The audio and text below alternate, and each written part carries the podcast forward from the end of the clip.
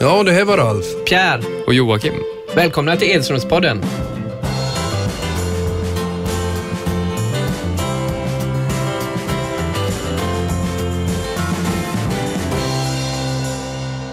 Då kör vi veckans avsnitt och eh, temat som vi har idag är prestationsångest.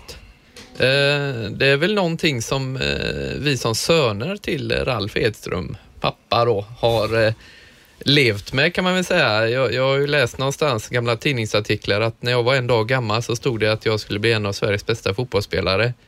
Eh, och det är ju svårt att leva upp till så att eh, vad, prestationsångest, vad säger ordet dig eh, lillebror?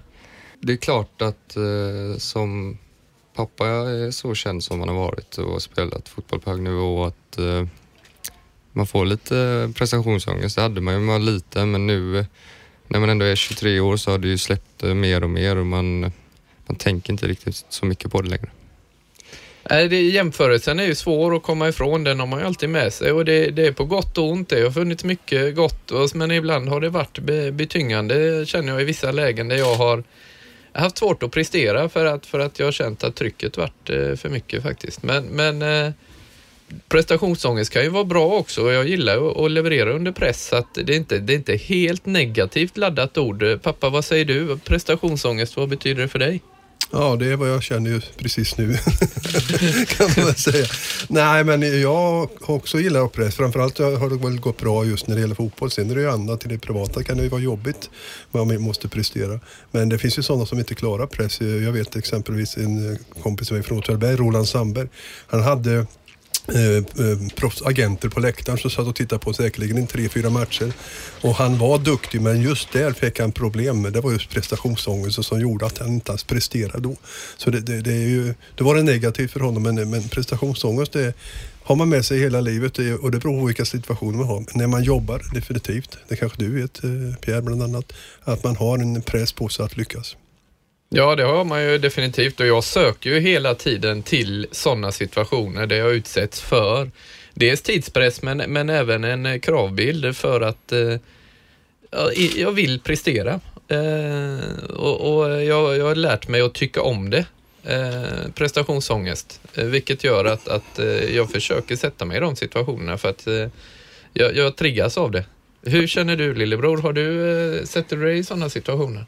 Fot- I fotbollen så har det ju alltid varit eh, när man kommer ut på plan så släpper ju allting. Så har det ju alltid varit. Man, man, är ju, man har ju lite ångest innan hur det ska gå inför matchen och, eh, och eh, hur det ska kännas. Och, men det, det släpper bara helt och hållet och vid sidan av, eh, av planen eh, i det privata livet då, så, så har man ju det har varit lite svårt under kanske skolgången tidigt och, och så när man har haft en känd pappa då som, som man fått lite pikar av i skolan och så här och att man ska vara bäst i fotboll eller liksom att man har ett lätt liv bara för att han har varit eh, fotbollsproffs. Eh, men så har det inte alltid varit. Eh, det är ju en, inte helt lätt hela tiden att ha en känd pappa. Nej, jag tycker det är jobbigt. Jag förstår att eh, ni har fått en annan pik, men jag tycker ni har visat ändå er från starka sidan och jobbar gör det bra och har lyckats bra också. Ty- Tyvärr då för Piers del var väl skadade så stoppade ni just inom fotbollen. Men jag tycker ni eh, har gjort det bra för det är inte lätt alltså, att lyckas när man har en pappa som har varit ganska bra i fotboll. Nej, och det, och det är ju, eh, det är ju en positiv eh, sak idag, men, men jag har ju känns vid mina gamla kompisar som framförallt de som presenterar mig som Ralfs son, de var ju inte värd vatten. Liksom. Det, det gick ju bort, så de, eh, mina närmsta vänner har jag alltid varit Pierre för och det blir ju lätt så och, och den eh, jargongen man alltid får är ju hälsa farsan, så det är ju synonym med eh, med Ralf Edströms son eh, och, och det händer ju fortfarande eh, och då vill man ju bevisa. Jag vill ju bevisa mitt egenvärde och jag har ju ett oerhört bekräftelsebehov på grund av det.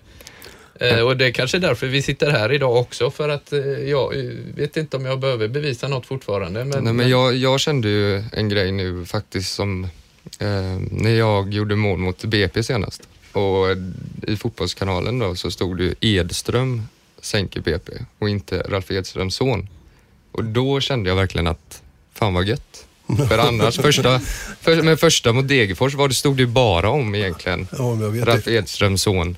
Alltså det krä- vad är det, tre mål i Allsvenskan då? För jag kommer ihåg det här med Tobias Hysén också när han gick från Glenns son till att bli Tobias Hysén. Så du behöver ju hänga ett par baljor i... Ja, i... men det gillar i år man ska göra ett par baljor så kanske det bara blir Joakim och inte Ralf Svahn längre. Ja. Nej, det hoppas jag verkligen. Ni ska ha er egen identitet och inte blanda in mig. Det tycker jag också. Men ni vet ju också hur journalistiken är.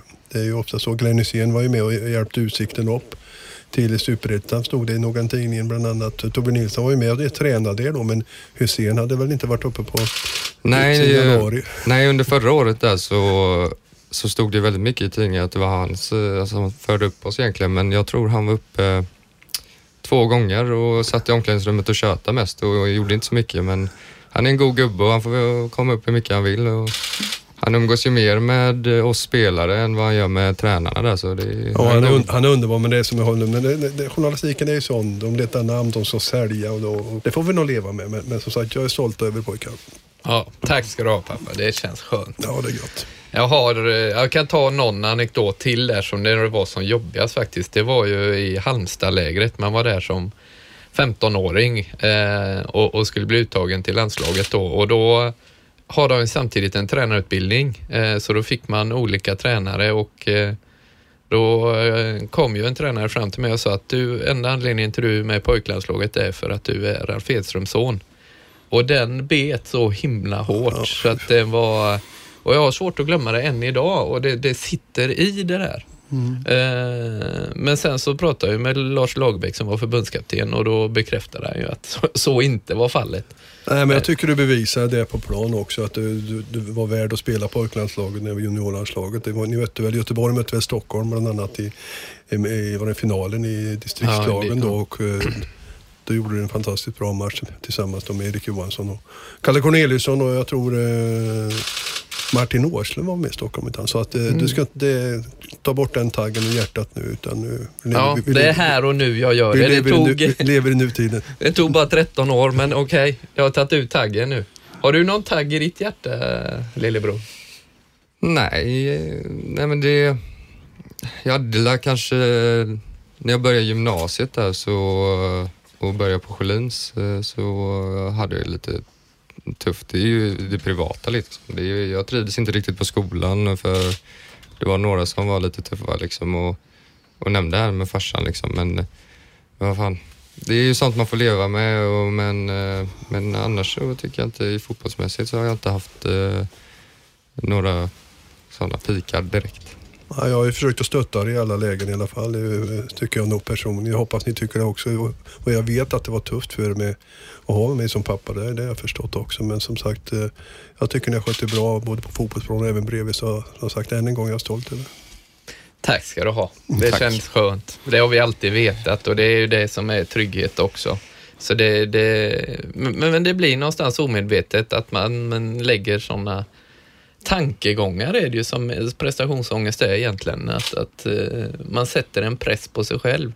Ja, men jag gillar inte att du säger att du hela tiden vill ha press på dig. Det måste vara oerhört jobbigt. Du måste ju koppla bort och av någon. Du kan ju inte hela tiden sätta press på dig. Då kommer du må dåligt framöver. Om du hela tiden gör det. Du måste ju någon gång kunna koppla av och inte sätta de här pressen på dig. Ja, ja det, är Tänk något, på det. det är bra. Jag tar med mig den.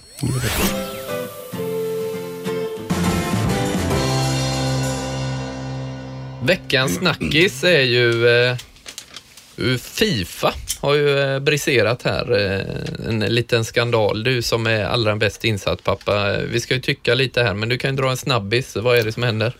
Ja, ingen liten skandal. Det är en stor skandal. Det, det är mutor som gäller då. Och det, det är ju så att eh, det visar sig. Jag, jag har ju trott det under en lång tid. Det är redan 98 när Blatter eh, klev in eh, och, Lennart Johansson klev av som Fifa-president. Att eh, det var mutor med. För det vandrade mycket kuvert under, under dörrarna där i, på det hotellet när de skulle välja. Och tyvärr för um, Lennart Johanssons skull så eller för, för de här småländerna som Lennart Johansson brydde sig om. De fattade inte att de röstade på fel personer. Det har hänt att det är mutor. Att, vi tittar då var har VM hamnat? Det har hamnat i Ryssland 2018 och sen Qatar sen. Och jag menar en sån som Sepp Blatter. Är det något nytt för honom att det är 47-50 grader på sommaren i Qatar? Eh, det är bedrövligt. Och, och där, eh, han kommer, försöker hålla sig undan nu men det är väl sju andra varav fyra av dem har erkänt och det rör sig inte om småpengar. Jag tror det är uppe över uppåt en miljard. Och det är en, en eh, amerikan tror jag som betalar tillbaka 17. Så att det, det har hänt saker. Sedan 1974 eh, så klev Sir Stanley Rose, engelsmannen, av och Joshua Avalanche, brasse, brasse, brasilianare, blev ordförande och sedan dess har det varit oerhört struligt. Det visade sig också att en sån som Luis Figo skulle vara med nu om, i omröstningen om att bli Fifa-ordförande. Men han, han klev av och sa det här är inget val. Det blir inget val utan det, är- det, det, det, det är konstigheter som gäller. Och jag tycker det är bra också att eh, Karl-Erik Nilsson, svenska fotbollsförbundets ordförande, markerar eh, att han inte tycker att det är eh, gått rätt till. Att Lennart Johansson säger ifrån också, det har han gjort ända sedan 98. Asien säger okej, det ska vara val då imorgon. Uefa vill flytta det hela med Platini som är chef där. Så att det här är, det är på tiden och jag hoppas verkligen att de gräver riktigt djupt. För det är så otroligt mycket korrup- korrumperat i Fifa. Men jag måste också säga, jag tycker att det finns andra OS, eh, EM, eh, eh, hockey och allt. Kan de börja på att gräva i sina grejer. För det är för mycket pengar inom idrotten idag och det är så otroligt mycket viktigt för vissa länder att få, eh, få eh, arrangera ett VM eller OS. Brasilien har nu två stycken. VM har gått där, nu kommer OS dit. Det finns något som heter BRIC-länderna, vet ni vad det är pojkar? Brickländerna. Ja, men du, du ska ju inte sätta oss på plats. Nej, jag frågar ju dem just det. Nej, men Det är de, det de, de länder som har bäst ekonomi. Det är Brasilien, det är Ryssland, det är Indien och Kina. Och eh, det, det är ju där också de pengarna finns så, till att då eh, köpa till sig då eh, stora evenemang. Så jag hoppas verkligen att eh, de grävs rejält i det här och att det, det är absolut ingen sensation att det kommer fram det här. Eller att det kommer fram, ja men att det har hänt, inte ett dugg. Det är bedrövligt. Eh, Blatter är, en, tycker jag, en, hela tiden har varit en svag person som skyddar sig och har, eh, försöker knuffa undan de här problemen till andra. Andra gör det men inte han. Precis han, som han är helt vit i det här läget, inte en chans. Så gräv vidare och eh, kan knäcka dem och hoppas Blatter får gå. En kick i rumpan ska han ha. Ja, men det är bra. Sen har vi ju Platini och de gubbarna där också. Han har ju också varit med och snurrat lite. Men eh, Lennart Johansson är ju en hedersvärd människa som vi tycker, jag, jag ska inte säga vi, jag tycker är ju fantastiskt eh, att han har försökt stå på sig i, i alla lägen men eh, inte fått med sig då. Eh, och, och det är väl lite svenskt också att, att eh, om vi varit en stor makt eller om vi haft, haft större eh, inflytande och mer pengar kan man väl säga i fotbollsvärlden så, så hade vi ju kunnat utmana på riktigt men, men eh, nu har det inte varit så riktigt. Nej, det har tyvärr inte varit så. Men, men det som säger, det, tittar man på de här som länderna, de killarna, eller gubbarna rättare sagt, som, som, som, eh, de kommer ju från väldigt små länder. De äger. Caymanöarna och, och Venezuela och, och inga stora fotboll. Ja, Venezuela är ganska bra. Men, så att det, vi, det, vi måste få stå på oss här i Europa. Vi måste rensa ut rejält och det hoppas verkligen att Uefa får igenom sin grej. Att det flyttas det här mötet så de hinner gräva färdigt och få upp all skit. Mm. Och Figo, lillebror, det var ju din favorit när jag var liten. Vad, vad, vad hände där? Han fick inte vara med, han var inte sugen längre. Nej, men jag förstår ju honom. Vad ska man göra när man ändå... Det är ingen, man känner kanske det är ingen idé ens att ställa upp för att det, det kommer vara Blatte som blir. Eh, och det är jättetråkigt att eh, det ska vara så. Och det, jag förstår Figo till 100 procent, det är ingen idé. Nej det är det inte. Och det, är- det måste rensas ut fotbollen. Alltså, det är alltså världens största sport. Det måste rensas ut helt enkelt. Och måste ha mer rakryggade, ärliga människor som sitter i högre positioner. Kan absolut inte ha det som du. Så att, eh, nej, jag hoppas verkligen att det, de går till botten med det hela. Men nu är det ju precis som i allt som händer i övriga världen. Det är USA som tar taktpinnen och det är de som drar igång drevet nu och, och, och rotar fram det här. Är det, Ja, det är inte alltid bra det USA gör, men i det här fallet måste jag ändå säga att jag tycker det är väldigt bra. Det var på tiden också att någon tar tag i det hela. Så det känns skönt. ja, det är väl det att en stormakt måste lägga sig i för att kunna rubba ett sånt här stort imperium som det är. Ja, ja, eh, de har gått in i CONCAF. eh, Det är ju det som är Nordamerika och Mellanamerika och Sydamerika, så deras förbund. Det är det de har grävt, börjat gräva om man säger så, hittat då eh, mutor. Och framförallt är det väl då Eh, som de har upptäckt VM i Sydafrika 2010 och även då 2011 när de skulle välja ordföranden som blev, Blatter igen då. Det är de två grejerna de reagerar för. Men jag är säker på att redan 98 när eh, Blatter tog över efter Lennart Johansson redan där och även tidigare och hade gått mycket, mycket konstigt till. Ja, det är lite tråkigt. Ja, det är inte tråkigt alls. Det, det är skitdåligt gjort ja. av de här människorna. Ställa till en underbar sport som fotboll. Att man förstör den med en massa konstigheter och lägger turneringar i länder som inte ska ha det. Nej, fy faro. Fy faro för Fifa. Mm.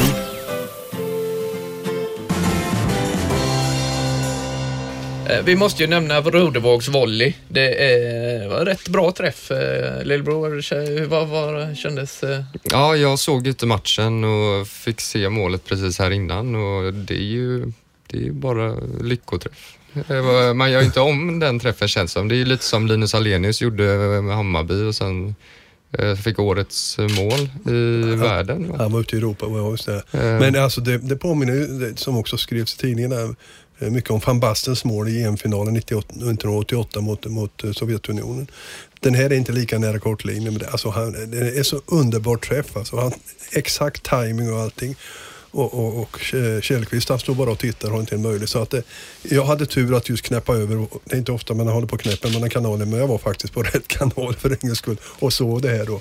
Så det ja. var helt underbart. Nej, det är ju kul och Falkenberg också att de kan leverera. Och, och Häcken, vad hände där liksom? De vinner mot Malmö och sen så förlorar mot Falkenberg. Är det... Underskattning kan jag tänka mig. Man måste jobba lika hårt i varje match. Jag tyckte inte att eh, de jobbade fantastiskt taktiskt riktigt väldigt, väldigt duktiga mot Malmö. Men sen ställde de nästan bara ut skorna. De gjorde inte den arbetsinsatsen som behövde göras eh, under 90 minuter. Och jag är imponerad av Falkenberg. Jag eh, Hasse Eklund som är tränare är tillbaks igen från Kalmar och han var ju med de som tog upp, upp Falkenberg för två år sedan. Blev det. Så att, eh, sen tog Henke Larsson över det var ju fantastiskt att hålla dem kvar. Men, men, men det Hasse Eklund gör nu är också enormt. Alltså kan han hålla dem kvar nu, de är eh, imponerande tycker jag. Så här långt, ska vi säga, det är långt kvar. Det är en tredjedel spelad av, av eh, serien. Så att, nej, Falkenberg har gjort det bra, men vi har ju en annan, ett lag som inte har uh, gått så bra i slutet som en favorit. Vilka kan det vara tror du? Malmö kanske? Jajamensan. Nej, ja, men, där, är, kan vi snacka prestationsångest kanske. De har... ja, men med det, de, den truppen som de har så vi, är ju riktigt dåligt att de eh, förlorade mot Häcken tycker jag i alla fall. Och, I och för sig gjorde Häcken en riktigt bra match där och eh, Gustafssons där bröderna var ju fantastiska. Ja, vi fick ju stryk av Kalmar, det var två snabba mål och Kalmar också. Då ledde med 1-0. Men jag tycker vi ser mer och mer det i fotbollen. Eh, tar man ledning med 1-0 då ska man försöka stänga matchen. Det kan vi inte här i Sverige. Spelar man bra fotboll, jag, jag, jag såg, nu ska vi inte prata om kanske mitt Degerfors, men jag såg Degerfors-Sirius, där Sirius dominerar fullkomligt. Sen ska de stänga matchen och kommer hemåt. Och då blir det 1-1 till slut. Malmö gjorde likadant. De släpper in två snabba mål. Varför inte fortsätta spela när man har övertag i matchen, när man leder med, fortsätt att spela framåt och gör 2-0 istället för att backa hem och försöka hålla en 1-0. Vi klarar inte av det. Det kan Juventus göra och Italien, men vi klarar inte det i Sverige. Men jag tycker ändå vi har lärt oss i Sverige. Nu hade ÖIS match här mot Landskrona och de var ju när de ledde med 2-0 så var det, det var väldigt italienskt då kan jag säga. Tre byten, lägga sig. Eh, Men de mask... gjorde 2-0 vet du. Det ja. menar, stod det 1-0, det är då det är farligt. Ett, ett mål är ju ingenting. Det kan ju vara mål i 90, 90 minuten i 90 plus 3 kanske. Då har du ändå en poäng med det. Men 2-0, då, då är det lite jobbigare. Ja, ja, det var lite småjobbigt där eh, och frustrationen finns ju då när man sitter på läktaren och, men samtidigt så köper man det när det är det egna laget som, som eh, går ner i hörnflaggan och ställer sig. Det, det, jo, jo, det är ju så, men det är så när man är född. Va? Eh, förresten, det är ju en ganska stor match på måndag. Eh, för jag har två lag i form, IFK Göteborg mot Djurgården då, på, på Gamla Ullevi. Och då ska jag faktiskt jag göra min sista match som kommentator tillsammans med Christian Olsson. Jag tänkte jag ville nämna det också. Det ska bli trevligt att det just är DIF som är där. Men det är inte Degerfors utan Djurgården mot IFK. Så att det, det ska bli kul att se. Har du prestationsångest? Nej, inte så farligt. Men det är klart, eh, det är ju sista matchen så man, man måste vara på tårna. Man kan aldrig slappna av oavsett om det är sista matchen eller första matchen eller vad det nu är. Nej, det är väl en epok. Det har gjort det par gånger suttit i radion och nu får du sitta här. Vi, bli, hur känns det? Och, och... Nej, jag har haft det nu, nu, jag tycker det känns bra. Jag har två experter bredvid mig. Ja, precis. Det känns väldigt skönt. Lasse Granqvist känner kan mig, ju... känner mig trygg alltså. Så det känns okej.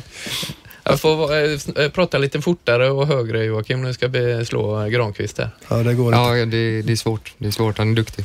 Ja, Lasse är enorm alltså för att när man pratar med Lasse han, han hade statistik på allt alltså. Och eh, då kunde jag läsa på, för att jävlas lite med honom, kunde jag läsa på något lite udda om det laget som vi, vi, refererade. Och när jag sa eh, det så var han med och bläddra i permen samtidigt som han pratade. Och, och kolla att jag hade rätt. Och det hade jag då. Men sen hade vi då en grej i Albanien. Eh, eh så då jävlas jag rejält för det låg en albansk spelare skadad i straffområdet. Och, och då, då kommer doktorn ut där och så, så, så säger jag till Lasse, vad heter den albanske doktorn? Så tittar han med att du, du är inte klok. Nej, jag har ingen aning, så. Nej, han heter Dr. Alban, så jag. Oh, härligt, härligt. Ja. Ja, han Han kom bra, då vart han tyst. Då vart han tyst.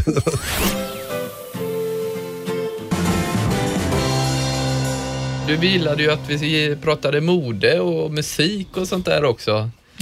Jag, jag tänkte, hur landar vi där? Och jag, vi, lillebror, du har, ju- vi, du har ju ändå rätt okej känsla får vi säga, men pappas eh, klädsmak den är ju inte, den är inte vad tycker vi alltså? Äh, men det är ju Dressman rakt igenom där va?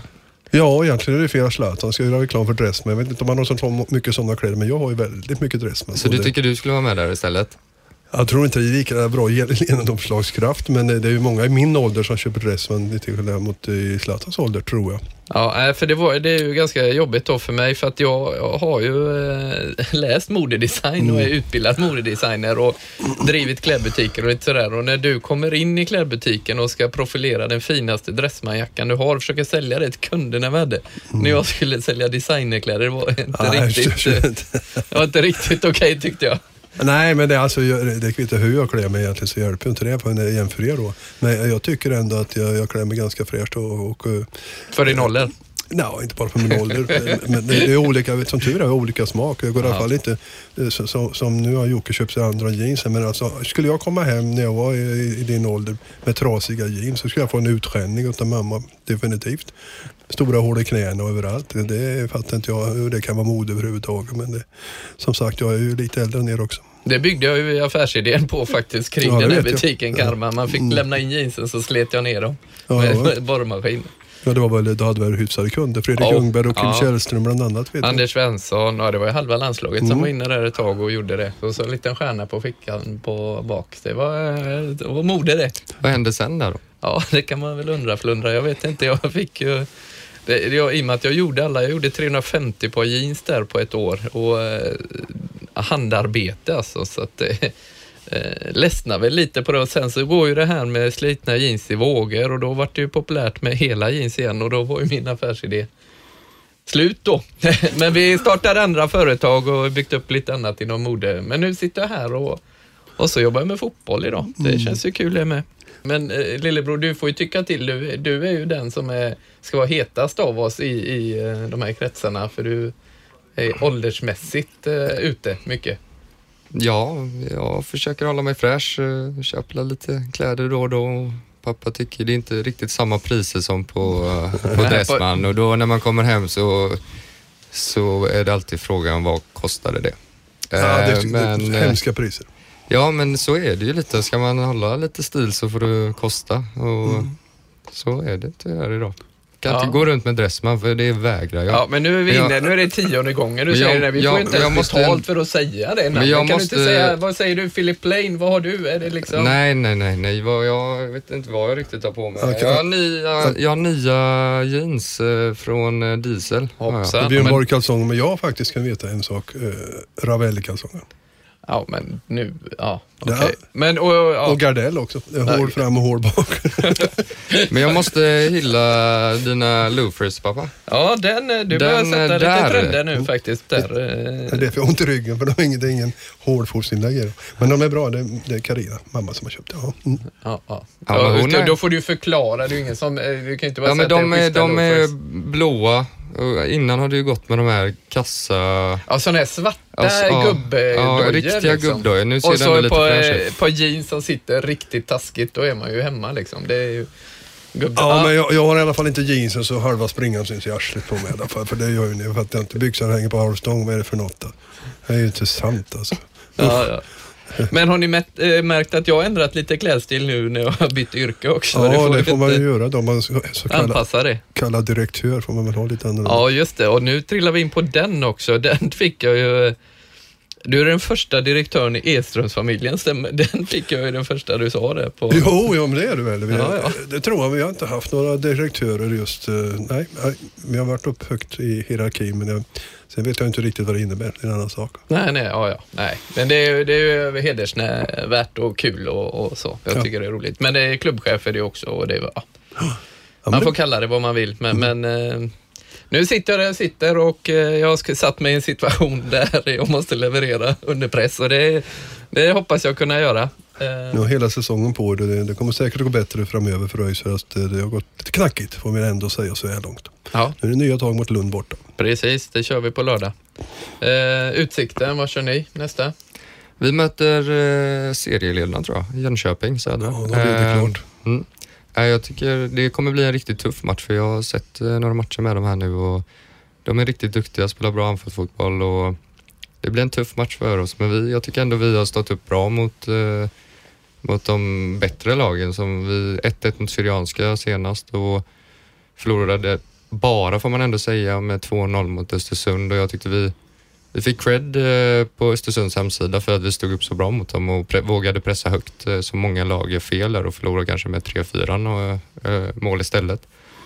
Så, men vi, jag tyckte vi, vi är på G. Vi gör en bra match nu senast mot Syrianska 1-1 och vi är bara köra på så kommer ju poängen också och det känns riktigt bra. Ja, men jag kan tipsa Janne faktiskt eh, och kolla på när vi mötte, vi är ju ÖIS då, mötte Och Janne tränar Utsikten. och Janne Karlsson tränar Utsikten.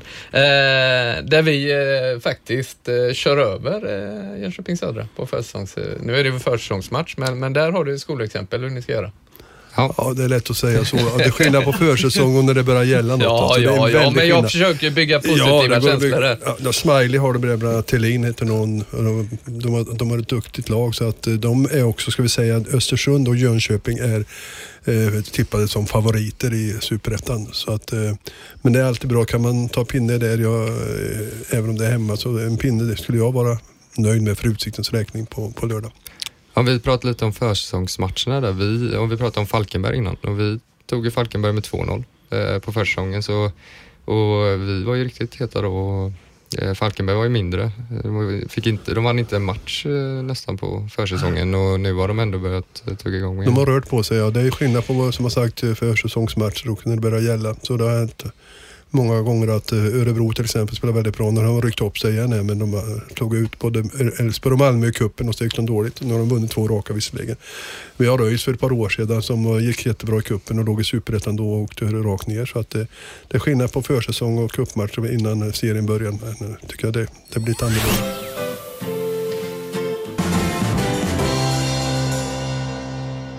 Vi ska prata musik också, det är ju samma där. Ni, ni, ni har ingen aning om eh, Sven-Ingvars och Sten och Stanley. Eh, Jo, jag var ju med, när jag var 15 fick jag ju vara med och spela eh, tv-laget för i present. Var inte Sven-Ingvars med då? Kommer Nå- du inte eller Nordfeldt? Ing, var, Nej, en, uh, Ingemar Nordström. Nordström, ja. Ja. det var en tekniker. Ja, det var, han var med. Han var med. Vi säger inte mer.